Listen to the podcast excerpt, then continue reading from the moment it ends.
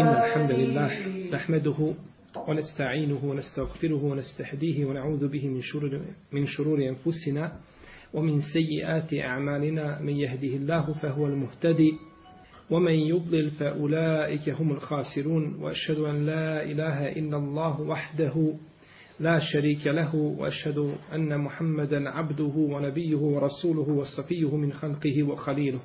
أدى الأمانة وبلغ الرسالة. ونصح للأمة وكشف الله تبارك وتعالى به الغمة وجاهد في الله حق جهاده حتى يتاه اليقين. يا أيها الذين آمنوا اتقوا الله حق تقاته ولا تموتن إلا وأنتم مسلمون.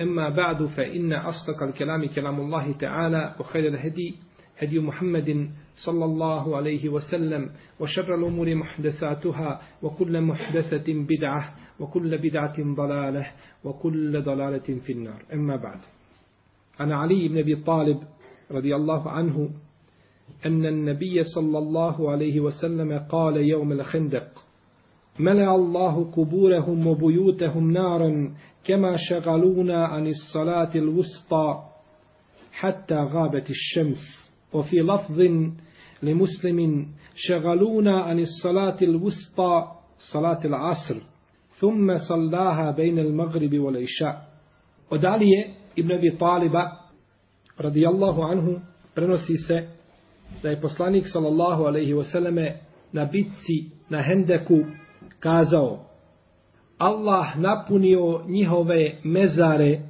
i njihove kuće vatrom kao što su nas spriječili da klanjamo srednji namaz dok nije zašlo sunce. A u drugoj predaji kod imama muslima spriječili su nas da klanjamo srednji namaz i kindiju namaz. Potom je klanjao poslanik sallallahu alaihi wasallame i kindiju između akšama i jacije. Što se tiče Alije radijallahu ta'ala anhu, o njegovim odlikama smo govorili u poglavlju El Mezija i imali smo i posebno predavanje u dva dijela o vrlinama i odlikama Alije radijallahu ta'ala anhu. Ovaj hadis je spomenut u poglavlju namaza, odnosno poglavlju namaskih vremena, zato što očito iz njega se mogu, znači, može nazrijeti veza sa namaskim vremenima. Jaumul Hendek, bitka na Hendeku, desila se pete ili četvrte hiđarske godine shodno razilaženju među islamskim učenjacima. I još se zove Jeumul Ahzab, bitka El Ahzaba, kad su se skupile te skupine protiv poslanika sallallahu alaihi wasallame, pa su neki neprijatelji Allahovog vjerovjesnika i dini Islama izišli u Meku i posticali mušrike da se bore protiv poslanika sallallahu alaihi wasallame, pa su se vratili nazad, pa prolazili pored Gatafana i pored Sulejma, pa su i njih posticali da se bore protiv poslanika sallallahu alaihi wasallame, pa su se skupili, to je El Ahzab, to su te skupine koje su se spojile da se bore protiv tadašnjih muslimana. Pa kada su prišli Medini, dočekalo, dočekalo ih je iznenađenje, a to je Hendek ili kanal koga su iskopali muslimani.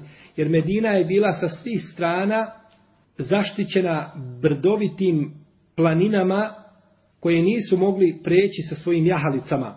Ne mogu ni deve ni konji ići po kamenju. Osim sjeverne do zapadne strane, ona je bila otkrivena. Pa su tu iskopali hendek. Poslanik sa osrme imao predloge svoje, pa ga je upitao Selman, Allahov poslaniče, je li to od Allaha objava ili je tvoj ičtihad? Pa je rekao, moj ičtihad, ovo je rat i pokušaj da se zaštitimo. Pa je rekao, Selman, Allahu poslaniče, ja imam predlog, pa je predložio kopanje hendeka. Kaže Ibn Hibban u svome dijelu Estiqat, da je Selman al-Farisi, za njega kažu muhaddisi, bez razilaženja da je živio 250 godina. Svi su složni da je živio 250 godina. A razilaze se od 250 do 350. To je razilaženje. Ali 250, svi se slažu da je živio toliko. Radi Allahu ta'ala anhu. Kaže imam Ibn Hibban u svom dijelu Ethiqat da je ovo prva bitka sa kojo, koju je vodio Selman sa poslanikom sallallahu alaihi selleme u društvu sa poslanikom sallallahu alaihi selleme. Pa su prišli, Kurejšije su prišle Medini i zatekla veliko iznenađenje sa deset hiljada svojih dobro naoružanih boraca. Pa je izišao poslanik sallallahu alejhi ve selleme iz Medine i ostavio u Medini kao namjesnika ibn Umi Mektuma, radijallahu ta'ala anhu arda. I to je bilo u mjesecu Ševalu, kazali smo četvrte ili pete iđeske godine srno razilaženje među islamskim učenjacima. Izišao je poslanik sallallahu sallam sa 3000 muslimana. Es salatul wusta, srednji namaz. Islamski učenjaci koji se spominju u Kur'anu, jeli kada uzvišeni Allah te barak dala kaže hafizu ala salavati was salati al wusta wa qumu lillahi qanitin. Spominje to u suri Al-Bekare. Čuvajte dobro srednji namaz. Čuvajte namaze, ha, čuvajte namaze i čuvajte posebno srednji namaz. Koji je to srednji namaz? Ikindija. Vi ćete se složiti da je ikindija. A islamski učenjaci imaju po ovome pitanju ni manje ni više nego 17 mišljenja. 17 različitih mišljenja. Poslušat ćemo ih, pa ćemo vidjeti inša Allah šta je najjače mišljenje. Prvo mišljenje je da je to ikindija. Na što jasno ukazuje šta citirani hadis. Sagalu, šagaluna ane salati ili usta salati vasr. Spriječili su nas da klanjamo srednji namaz i kindiju namaz. Pa je došlo jasno pojašnjenje šta je to as salatul usta, da je to šta? I kindija namaz. To je prvo znači više da je to i kindija namaz. I ovo je mišljenje imama Ahmeda i ispravno od mezeba Ebu Hanife, znači sav hanetijski učenjaka, i spominje se od šafije, ha, spominje se od šafije, i to je mezeb mnogih šafijskih pravnika. Drugo, da je to sabah. Da je to sabah. I to je mišljenje mama Šafije i kazao ga u svom dijelu Lum. Jasno je kazao da je to sabah. I to je vezali mama Malika i skupine učenjaka. Da je to sabah. Treće mišljenje da je to podne. I to je jedan rivajet od Ebu Hanife. Ili jedna verzija je predao od Ebu Hanife da se radi o podne namazu. Četvrto, da je to akšam. Peto, da je jacija. Šesto, da je to jedan od pet propisanih namaza, ne zna se koji je. Sedmo, da je to jedan od pet dnevnih namaza. U stvari, da je to, sedmo mišljenje, da je to pet dnevnih namaza, kompletno. Pet dnevni namaza. Pa kad se kaže čuvajte srednji namaz, misli se šta? Na bešvakat. Je li tako? Na pet namaza. Osmo mišljenje da je to džuma. Deveto mišljenje da je to džuma petkom, a da je drugim danima mimo džume šta? Podne. Deseto, da je to sabah i jacija. Jedanesto, da je to sabah i ikindija. Dvanesto, da je to namaz u džematu. Na svim namazima, vezano za sve namaze. Trinesto, da je to vitr. I to je više odobro imam Esehavi. 14. da je to namaz u strahu koji se klanja. 15. da je to kurban bajram. 16. da je to ramazanski bajram. Bajram namaz znači. Govorimo o bajram namazima. I 17. da je to duha namaz. 17 puni mišljenja. Ima po ovome pitanju. No, međutim, vidimo da hadis ukazuje na što. Da je to i kindija. Hadis ukazuje jasno da je to i i da su druga mišljenja slabija. Da je to najjače mišljenje i obaveza je čovjeku da uzne to mišljenje i stoje kazao sam mišljenje mama Ahmeda i spominje se o Šafije i to je stavi mame Ebu Hanife po ispravnoj verziji njegovih učenjaka i to je, ako Bog da, ispravno mišljenje. Kažu neki učenjaci da je ovo okašnjavanje sa namazom bilo prije spuštanja namaza u strahu. Tako je namaza u strahu. No, međutim, vidit ćemo, doćemo do toga mišljenja. Potom je klanjao namaz između akšama i jacije, misli se između akšamskog vremena i, i jacijskog vremena. I ome je dokaz učenjacima Maliku i Hanifi i drugima koji kažu da se klanja prvo zaboravljeni namaz pa onda onaj koji je došao. Jer je poslanik sa osvrame klanjao šta prvo i kindiju pa potom akšam. Kažu tome je dokaz poredka, da je poredak obavezan da je poredak obavezan. Zato kaže neka ulema, Kada dođeš na akšam i ljudi klanjaju akšam u džematu, a ti nisi klanjao ikindije zato što si šta? Zaboravio. Ili eventualno prespavao. Bio si u džami, prespavao na primjer ikindiju i čovjek nakon toga ustavlja i klanjaju akšam, šta će uraditi? Pristupit će za njima da klanja pristupit će da klanja akšam, a nije ti ikindiju. To je kod jednog dijela učenjaka. No, međutim, veliki dio učenjaka brani to. A, to ima razilaženje među lemom. Oni koji brane kažu šta će uraditi? Ne ući u džamiju, šta će? Klanjati sa ljudima akšam sa nijetom na file. I nakon toga klanja i kindiju, pa kaže mora biti poredak, a ne možeš sjesti dok ljudi klanjaju dosta zabrana i otvoriš ljudima velika vrata, pa kažu klanjaš sunnete i potom klanjaš šta? I kindiju i potom klanjaš akšam. To je kod uleme koji kažu da se ne može spajati, ne mogu klanjati namazi koji su različitih oblika. Da ne možeš klanjati, na primjer, a, i kindiju za čovjeka koji klanja šta? Akšam. Ili da ne možeš klanjati ovaj namaz, znači kod koji postoji, postoje ta razilaženja. Dok kažu možeš klanjati šta? Podne za onim koji klanja i kindiju. Ovdje, kod onih koji kažu da ima razilaženje, klanja će se ovako. Klanja se akšam kao na fila, nakon toga se klanja akšam i kindija kao farz i nakon toga akšam kao farz. Zbog čega? Zbog poredka. Da bude poredak znači upotpunjen i da bude taj uvjet ispunjen. Kaže Kadija Jad, iz ove predaje se može zaključiti da je poslanik sa osam klanjao šta? I Hindiju u džematu. Da tako? Klanjao je nakon toga, obično je klanjao sa ashabima i sabah kada je poslanik sa osam izostavio, ne izostavio, nego kada je prespavao sa ashabima, pa i probudila žega, onda su ustali klanjali ga kako? U džematu ili posebno? U džematu.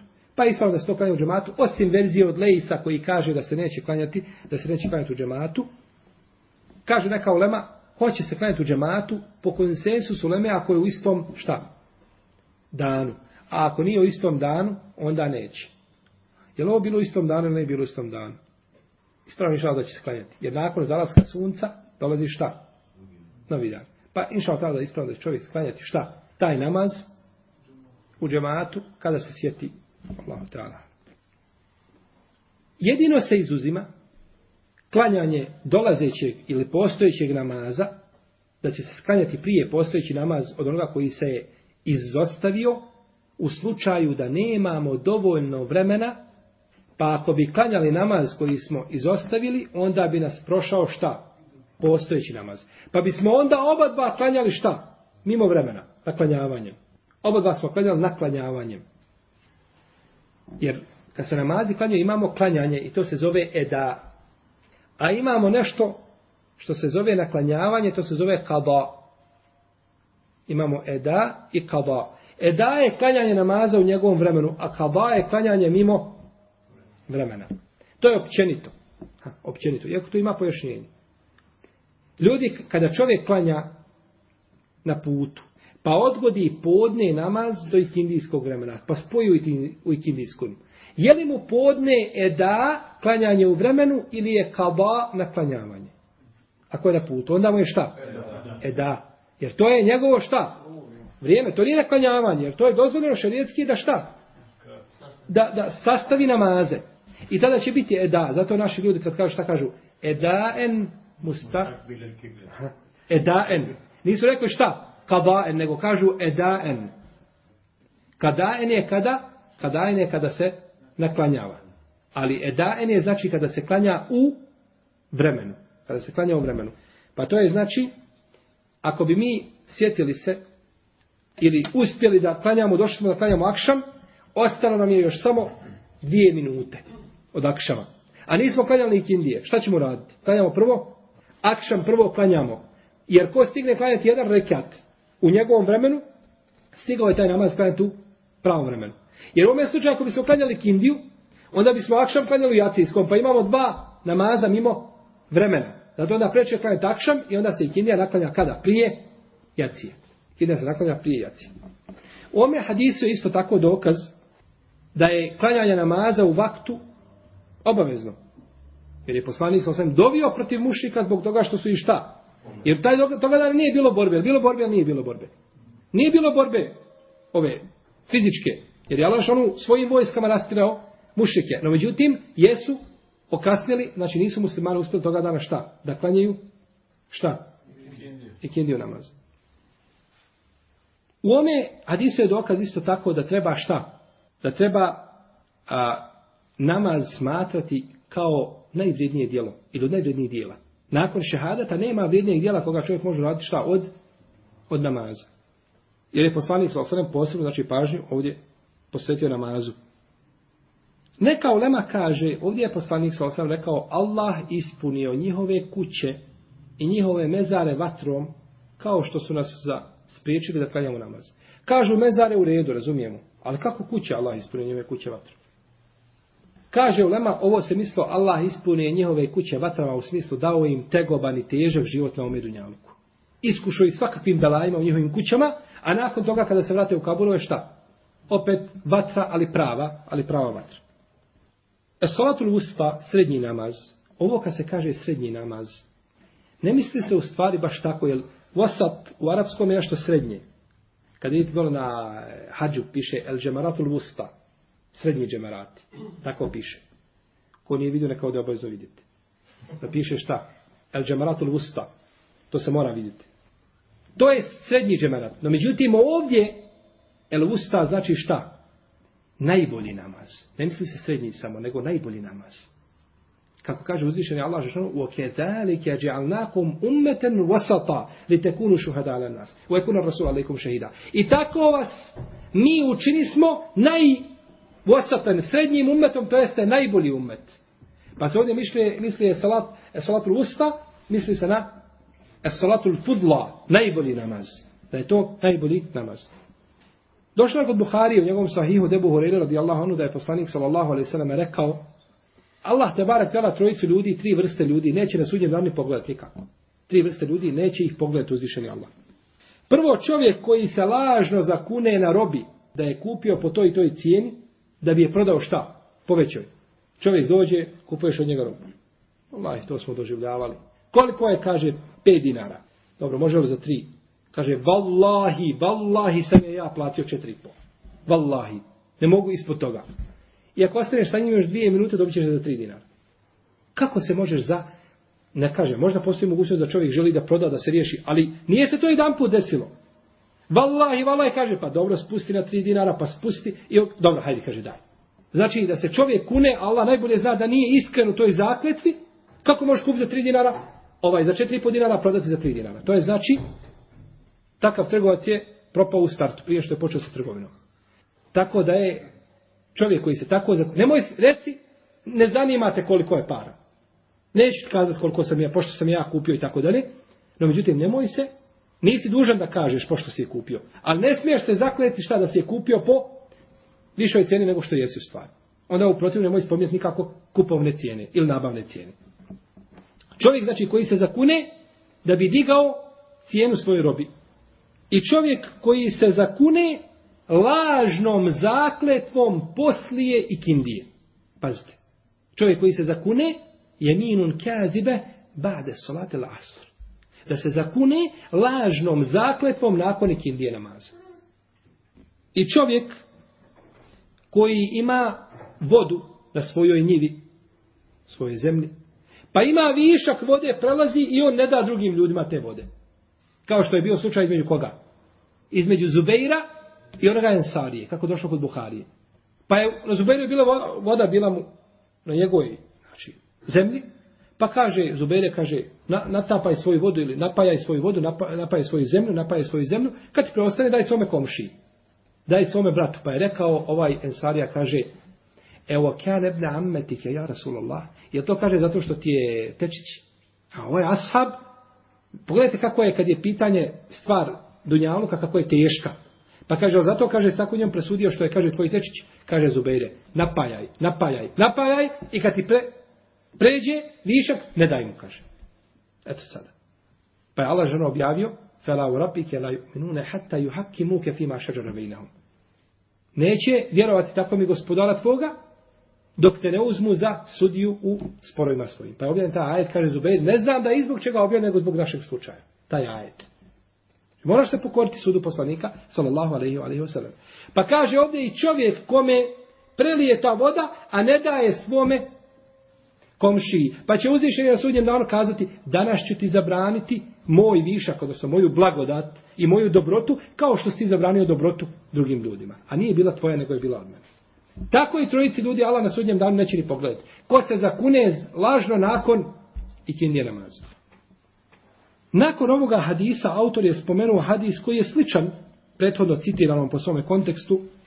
Samo ga prenosi drugi ashab u njemu kaže, a Nabilah ibn Mas'ud radijallahu anhu, kale, حبس المشركون رسول الله صلى الله عليه وسلم عن صلاة العصر عن صلاة العصر حتى احمرت الشمس أو اسفرت فقال رسول الله صلى الله عليه وسلم شغلونا عن الصلاة الوسطى صلاة العصر ملأ الله أجوافهم وقبورهم نارا أو حشى الله أجوافهم وقبورهم نارا Od Abdullaha ibn Mas'uda se prenosi da je rekao spriječili su mušici poslanika sallallahu alaihi wasallame da klanja ikindiju dok nije pocrvenilo ili dok nije zašlo sunce. Dok nije pocrvenilo sunce ili nije požutjelo, prostite. Pa je poslanik sallallahu alaihi wasallame rekao spriječiše nas da klanjamo srednji namaz ili najbolji namaz ikindiju namaz Allah napunio njihova grla ili njihove utrobe vatrom ili i njihove kaburove. Ili kaže haša Allahu, haša je isto napunio, ali napunio puno više. Puno više nego što je riječ meleje. Meleje napuniti obično, ali haša je stvarno da napuni, znači da nakon toga punjenja i više ne treba ništa. Pa je došla znači ovdje kao vid komparacije u rivajetima. O, govorili smo o Abdullah ibn Mesaudu u prethodnim poglavljima. Kažu neki da je ovo klanjanje ikindije mimo vremena bilo prije propisivanja ajeta u strahu ili namaza u strahu. No međutim, kazali smo da je ova predaja ili da je bitka na Hendeku bila četvrte ili pete iđeske godine, a prvi put poslanik sa osvrame je klanjao namaz u strahu, bi zate ruka, isto što se je desilo četvrte ili pete iđeske godine. Tako da ne možemo 100% tvrditi znači da je bilo, jer ponekad ljudi kada nisu mogućnosti, kada se moraju braniti, neće imati šta prilike da klanjaju namazu strahu. Jer za namazu strahu znači mora jedna skupina da ostane na bojišto, druga ide da klanja. Ovdje je reklo dok nije sunce požutjelo ili pocrvenjelo, to nije suprotno rivajetima, ali jasno se kaže da je klanjao i kidiju šta, nakon što je zašlo sunce, ali je odgodio do toga vremena. I još dalje znači mimo toga. U ome hadisu isto tako dokaz da je srednji ili najbolji namaz šta? I kje namaz? Kako je došlo? Isto je u pretvom rivajetu i spomenuo se znači 17 mišljenja po ome pitanju. U ome hadisu je dokaz da je dozvoljeno dobiti protiv nevjernika sa ovakvim sličnim dovama. Jer je poslanik sa osvijem dobio, znači, protiv njih. I ome hadisu je dokaz o potvrdi kaburskog azaba. Je li tako? O potvrdi kaburskog azaba. I nije, suprotno tome, kazao niko dehal sunneta, to samo govore za lutale sekte koje su neprijatelji sunneta da nema kaburskog azaba. I koriste se sa argumentima koji su slabiji od paukove mreže. A ostavljaju vjerodostojne mutevatir hadise od poslanika sa osaleme. I čak i ajete iz koji se može zaključiti da ima a, šta kaburski azab. Sve neko spomenuti ajet koji ukazuje za kaburski azab. Uvedite faraonove ljude u Ennaru ju'radune alejha guduvan wa ašija. O jeume tekumu sa'a edhilu ale firaune ešeddel azab.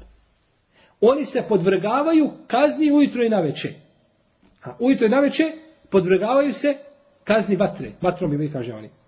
A onoga dana kada nastupi sudnji dan, reći će se uvedite ih u šta? U najteži azab. Ovdje podvrgavaju se ujutro i navečer čemu? U kaburu na ovome svijetu. Jer koliko će sudnji dan traje dugo? Znači nema čega. Jutro i navečer. Nego jutro navečer je ovdje na ovome svijetu. Mi imamo jutro i večer. Jutro i večer. Tako da znači ajet jasno ukazuje da ima burski, kaburski azab. Ali šta oni kažu koji kažu da nema kaburskog? Znate šta koriste kao dokaz? Koriste ajet i sure Jasin. Kalu ja vajlena men ba'asana min marqadina. Kaže, teško nam se, ko nas je to poslao iz naših mezara? Kažu, vidite da oni kažu, ko nas je poslao iz naših mezara? Oni nisu znali ništa o mezarima. Ništa se nije dešavalo, pa onda kad su proživjeli, kaže, ko nas je poslao? Argument koji ne mora uopće, kako kažu učenjaci, za ne, mora, za, mo, za ne može biti da će Allah žanu prije sudnjeg dana na određeno vrijeme obustaviti svima kaznu azabsku. Može li? Može. Pa nakon toga će biti šta? Poslani. Ne znam kad kažu, teško nam se kone se poslao iz naših mezara. Šta je u tome čudno? Možda on mislio da će biti tu kažnjavan i da nikada neće biti šta? Proživljen. Nije to argument.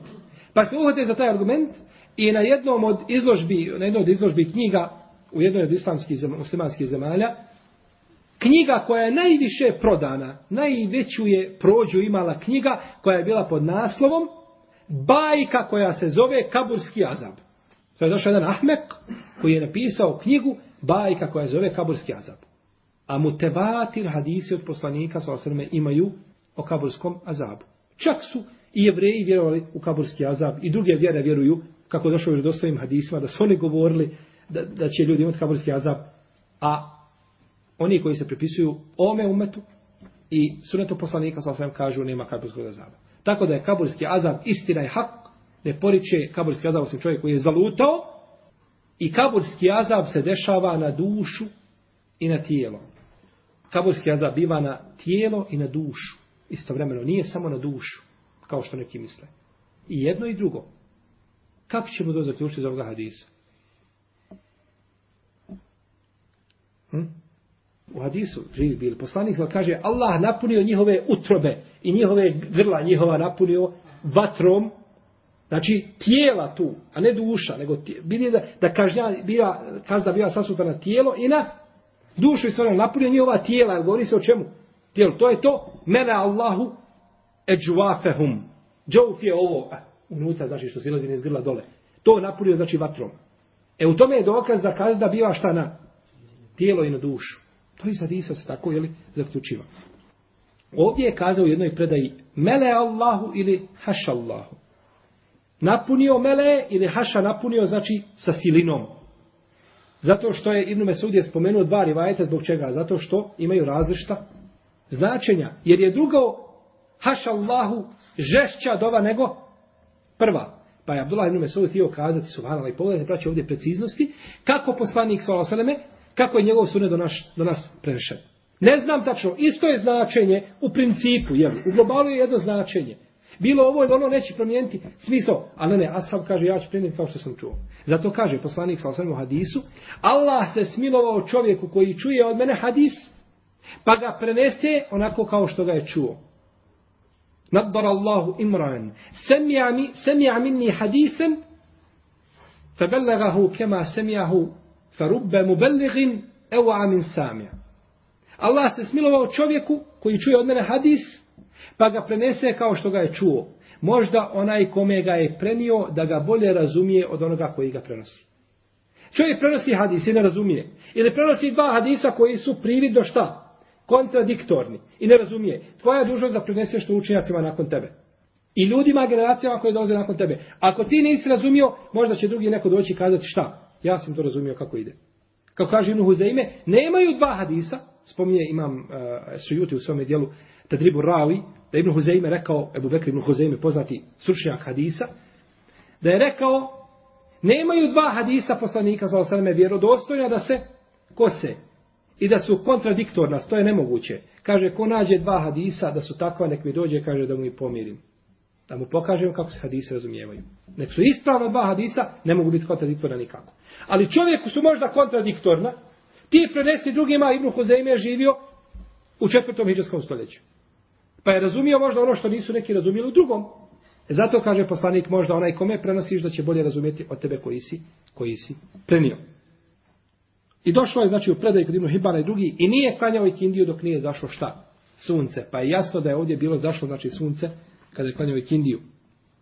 Ovdje je jedna korist, a to je da Allah te barake o ta'ala nije nikome zaustavio sunce osim kome? Kome je uzvišen Allah zaustavio sunce da ne zađe?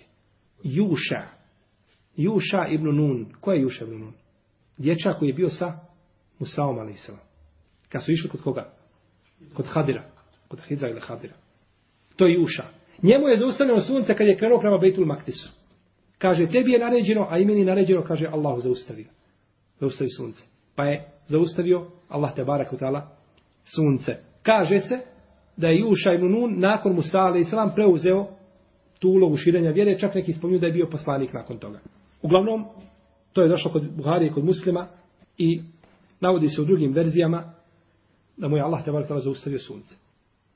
Bileži imam El Džavzakani u svome dijelu El Ebatil od Menakir ovako predaju. Poslušajte. U njemu stoji da je Esma bintu Umejs kazala, bio je poslanik sa osrame jednog dana kod Alije u kući i primao je objavu. I nije klanjao i kindije sve dok sunce nije zašlo. Pa je upitao Alije, kaže Alija, jel vam miriše ova predaja odakle dolazi? Kaže, Alija, jesi li klanjao i kindiju? Kaže, nisam Allahu poslanič. Pa je digao sve ruke, kaže, Allahu dragi, Alija je bio u pokornosti tebi tvome poslaniku. Pa gospodaro moj, zaustavi sunce, vrati sunce. Vrati sunce. Pa kaže Esma, vidjeli smo da je sunce zašlo, pa je ponovo izišlo. Je zašlo i ponovo izišlo. Ovaj hadis, koga spomni imam Al-đauzekani, ima poremećene lance prenosilaca. I sunce je zaustavljeno Ali, a nije poslaniku sa osram. Zar nije Allah poslanik bolje od Ali? Zar nije Ebu Bekr bolje od Ali? Zar nije Omer bolje od Ali? Zar nije Osman bolje od Ali? Pa njima nije zaustavljeno sunce, a zaustavljeno kome? Ali. To je sa logičke strane. Kaže imam Tahavija, imam El Bejheki, ubrojali su ovaj hadis kao muđize poslanika. Hadis spomenuli. Kaže, i kažu da je ovaj hadis vjerodostojan. Da je ovaj hadis vjerodostojan. Kaže, imam Ibnu i Ibnu Tejmije, imam Ahmed, i Zehebi, Ibnu Kajim, Ibnu Kesir, i šeh Albani, drugi da je hadis lažan. Da je hadis lažan. I kaže, imam kaže šehu samim da im je poslušajte šta kaže. Kaže, spomenuo je Tahavija još neki učenjaci Kadi i Jad, da je ovaj hadis od muđiza poslanika sallallahu alaihi vseleme. No međutim, kaže, hadijski eksperti koji poznaju nauku hadisa, kaže, odgovorno tvrde da je ovaj hadis kedibun maudu, da je lažan, apokrifan, izmišljen na poslanika sallallahu alaihi vseleme. Da je izmišljen na Allahovog poslanika sallallahu alaihi vseleme. Kaže imame Zehebi u svome dijelu Tertibul Mauduat. Ibnul Džauzi ima svoje dijelo koje zove Mauduat, lažni hadis. Šeh Albani kaže u njegovo vrijeme kada je on bio mlad, kada je dolazio u džamiju, u Dimašk, imam bi sa Mimbera govorio određenu stvar i navodio bi dokaz i kaže ovaj hadis sam uzeo kod Ibnul Džauzija iz El Mauduat, iz njegovih lažnih hadisa, apokrifni. A niko ne zna šta, su, šta je to El Mauduat, niko ljudi ne zna. Ne zna taj termin, da su to lažni hadisi. I on dokazuje, nisu ljudi poznavali opće. Pa je šejh svojim trudom i Allahom voljom oživio jednu nauku koja je bila u to vrijeme skoro pa potpuno zamrla.